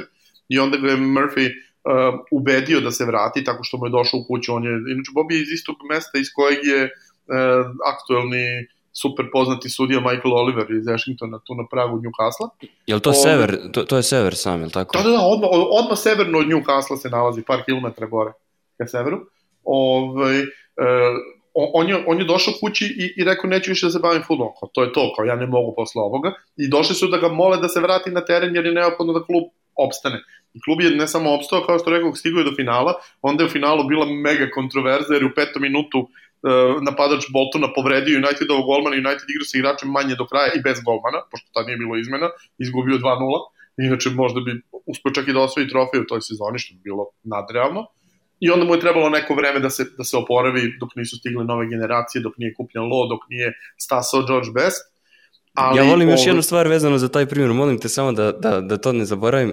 E, čitao sam onda uh, englesku štampu nakon utakmice u Beogradu, te druge, nakon poraza od Jugoslavije, gde su oni potpuno uh, onako bez, bez ikakvog obzira pišu kako to i danas imaju običaj, pa onda Desmond Hackett iz Daily Expressa je toliko surov da napiše da je Bobit, znači isti taj čovek, jedan jedini od tih koji su bili u Beogradu tri meseca ranije, koji je izašao na teren, koji je uopšte bio pozvan, uh, on piše u izveštaju, kaže Bobi je igrač bez mozga i više ne može da igra na ovoj poziciji, mora da se gurne na krilo.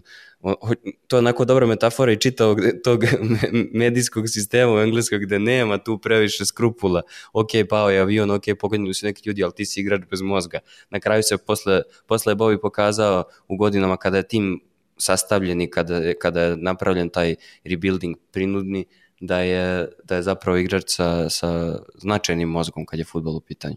E da, sad, i, uh, ko... i onda je on izvukao celu tu, celu tu vertikalu, dakle bio je deo te priče kada je nastala, bio je te priče koja je surovo skrhana i bio je te priče koja se ponovo rodila i došla dotle da, da bude prvi engleski um, futbaler koji podiže pehar kupa šampiona i to koje 14. u 13. sezoni.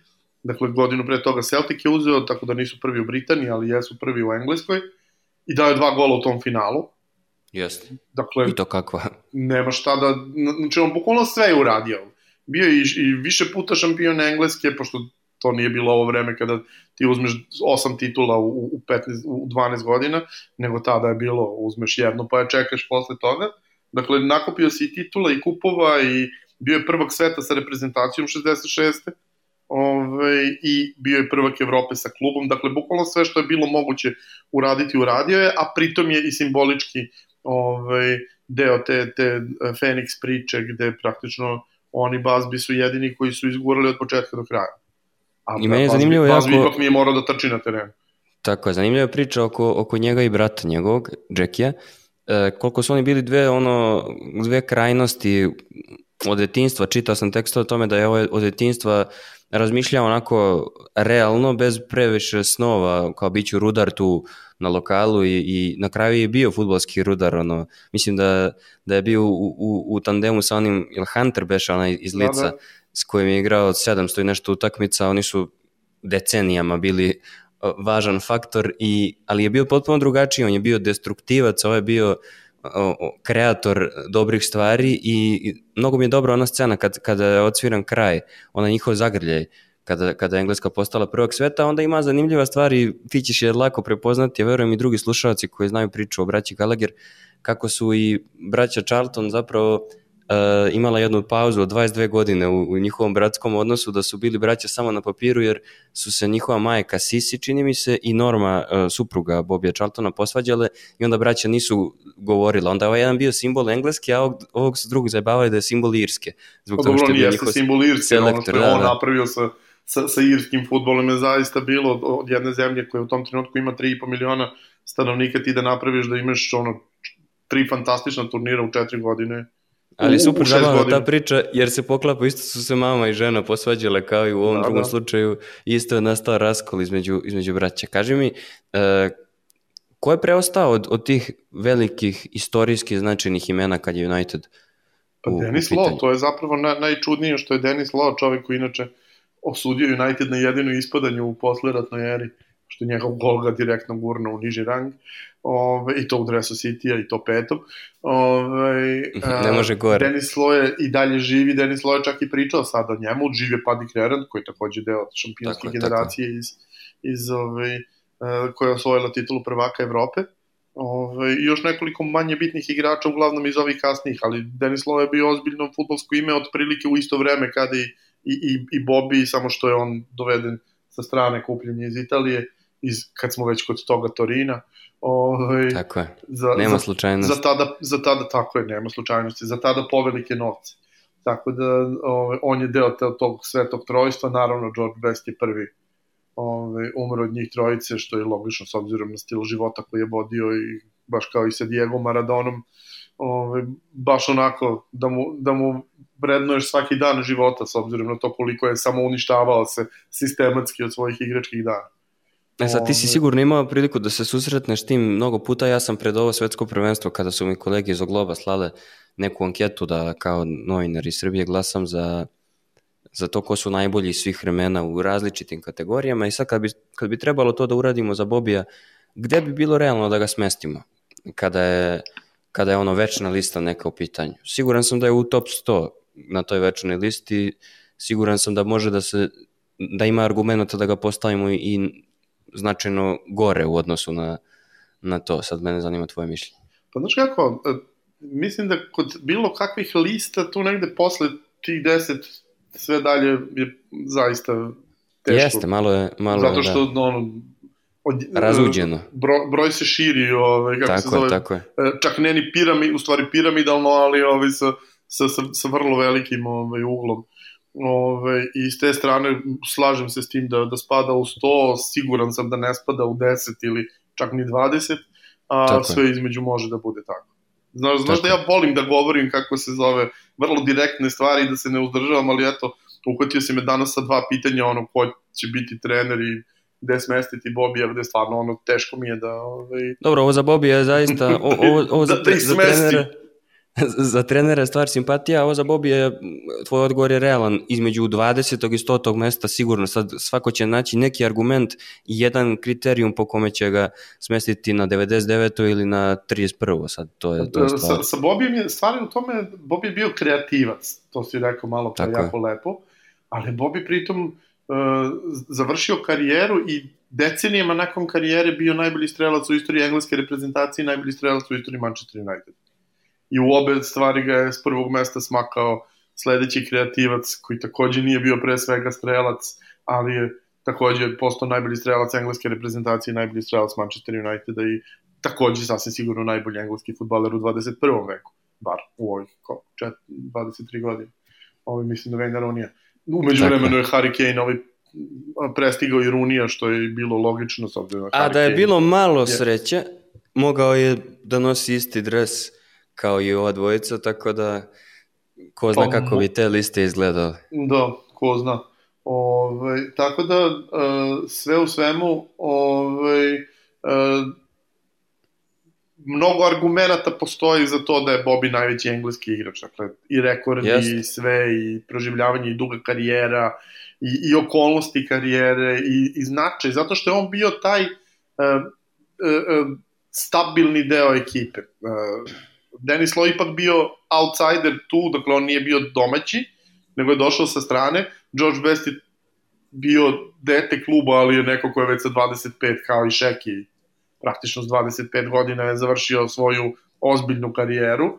A Bobby Charlton je bio sve suprotno od toga. Bobby Charlton je bio onaj koji uh, će dok svi prave haos da, da ono mirno i koncentrisano uzme loptu i stavi je tamo gde treba da bude ovaj, da stavi na, na, na centar i, i, i drži stvari pod kontrolom.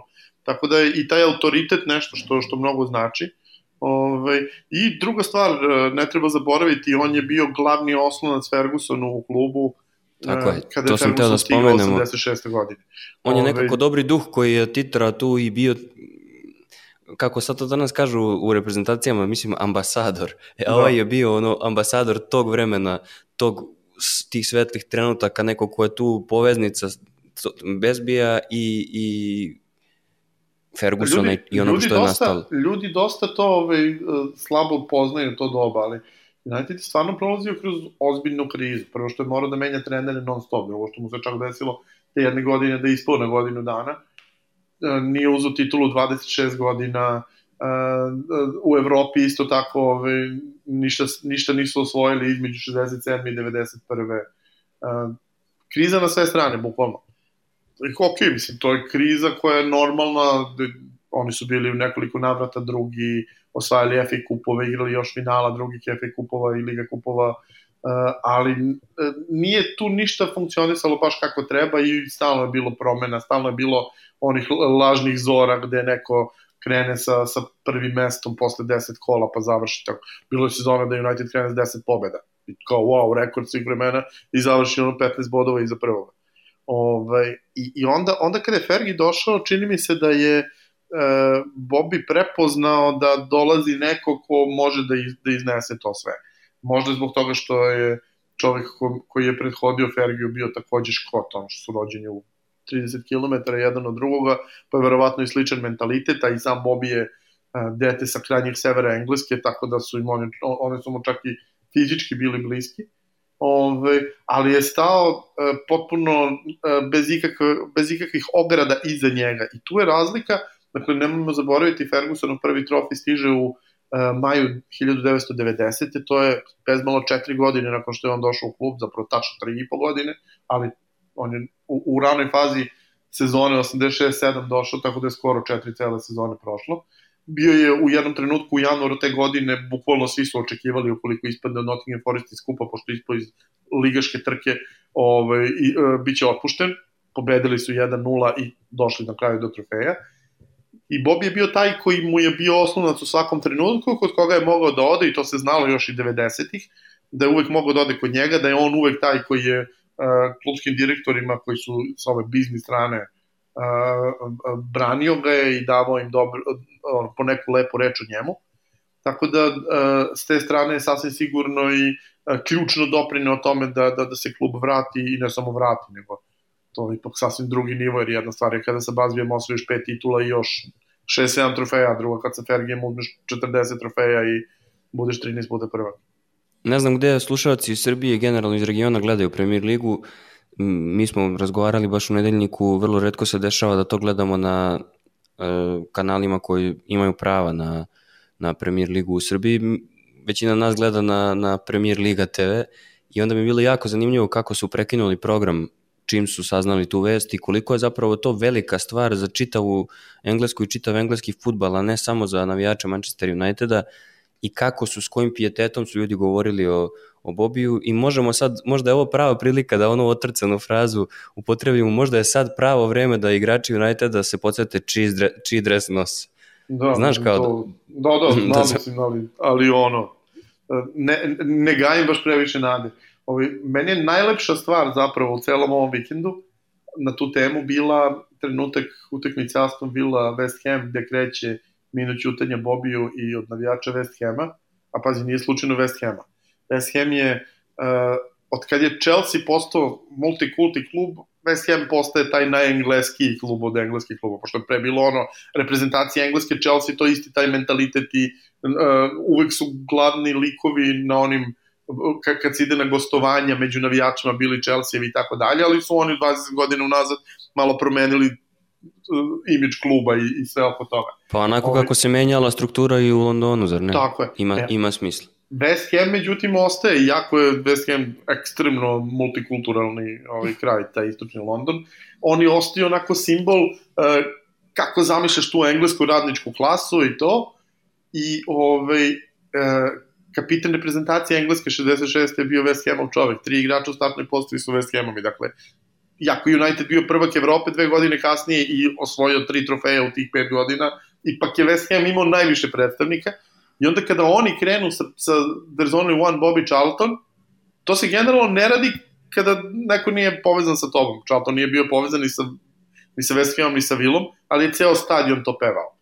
I to je zapravo pokazatelj koliko on nadilazi ove sad, jer, jer, mislim, zaista se mnogo promenilo u engleskom futbalu. Uh, 80. godina se podrazumevalo da oni jedni druge podržavaju, 80. godina se podrazumevalo da ko navija za engleske klubove će navijati i za engleske klubove protiv Italijana, Španaca, Nemaca, ovaj, čak i ove drugih. Osim Kaži. jednog kluba, osim jednog kluba i njegovih navijača kada je reprezentacija u pitanju, realno. Od, A ne, ne, od... ne, to, to, je druga stvar, mislim, i Liverpool je protiv reprezentacije se okrenuo posle Hillsborougha, kao što se Tako United tako po, protiv reprezentacije potpuno okrenuo posle slučaja Beckham i, i crvenog kartona, kada ti doživljavaš da, da, da tebi vređaju igrači ovi ostali na, na, na terenu dok igraju za Englesku i to jedni i drugi su u relativno kratkom roku ovi to napustili, ali do neke 89. su svi bili tu, to se i podrazumevalo. Znači, Ja navijam za United, kad igraju Liverpool i Juventus, normalno ću navijam za Liverpool, ne mogu valjda navijam za Italijane. Što je, taj mindset je bio. Ove, e, to se sve umeđu vremenu promenilo, međutim Bobby Charlton je ostao taj koji je uspeo da nadiđe to sve i to je e, povratak na neka lepa vremena u tom trenutku, u tom flashu, naravno će se sve vratiti u roku od 20 minuta. Videli smo šta je bilo na City ovoj utakmici, ovaj, mada opet ne treba zaboraviti da kada je bila uh, 50. godišnjica Minhena, United igrao sa Cityjem tog vikenda i to je bila ona čuvena utakmica ovaj, kada je na Old Traffordu su svi imali crveno-bele i Cityjevi navijači svetlo-plavo-bele šalave. To je bilo sjajno organizovano, da klub tebi na ulazu daje i za gostujuću ekipu šalave da bi da se napravilo to i da je apsolutno savršeno poštovano sve, dakle nijednog trenutka niko nije vređao bilo šta. Ovog puta je bilo stvarno svega i svačega, ali to je manjina, a ono je većina i nikome neće ubediti u suprotno.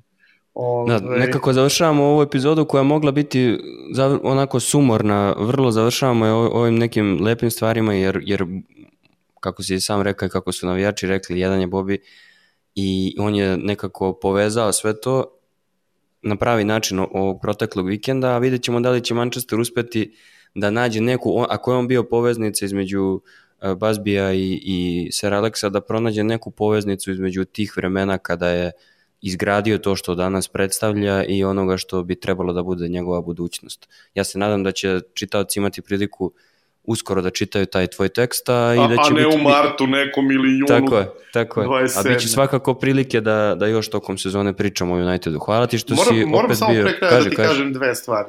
Ove, dva moja intimna sećanja na Bobija Charltona.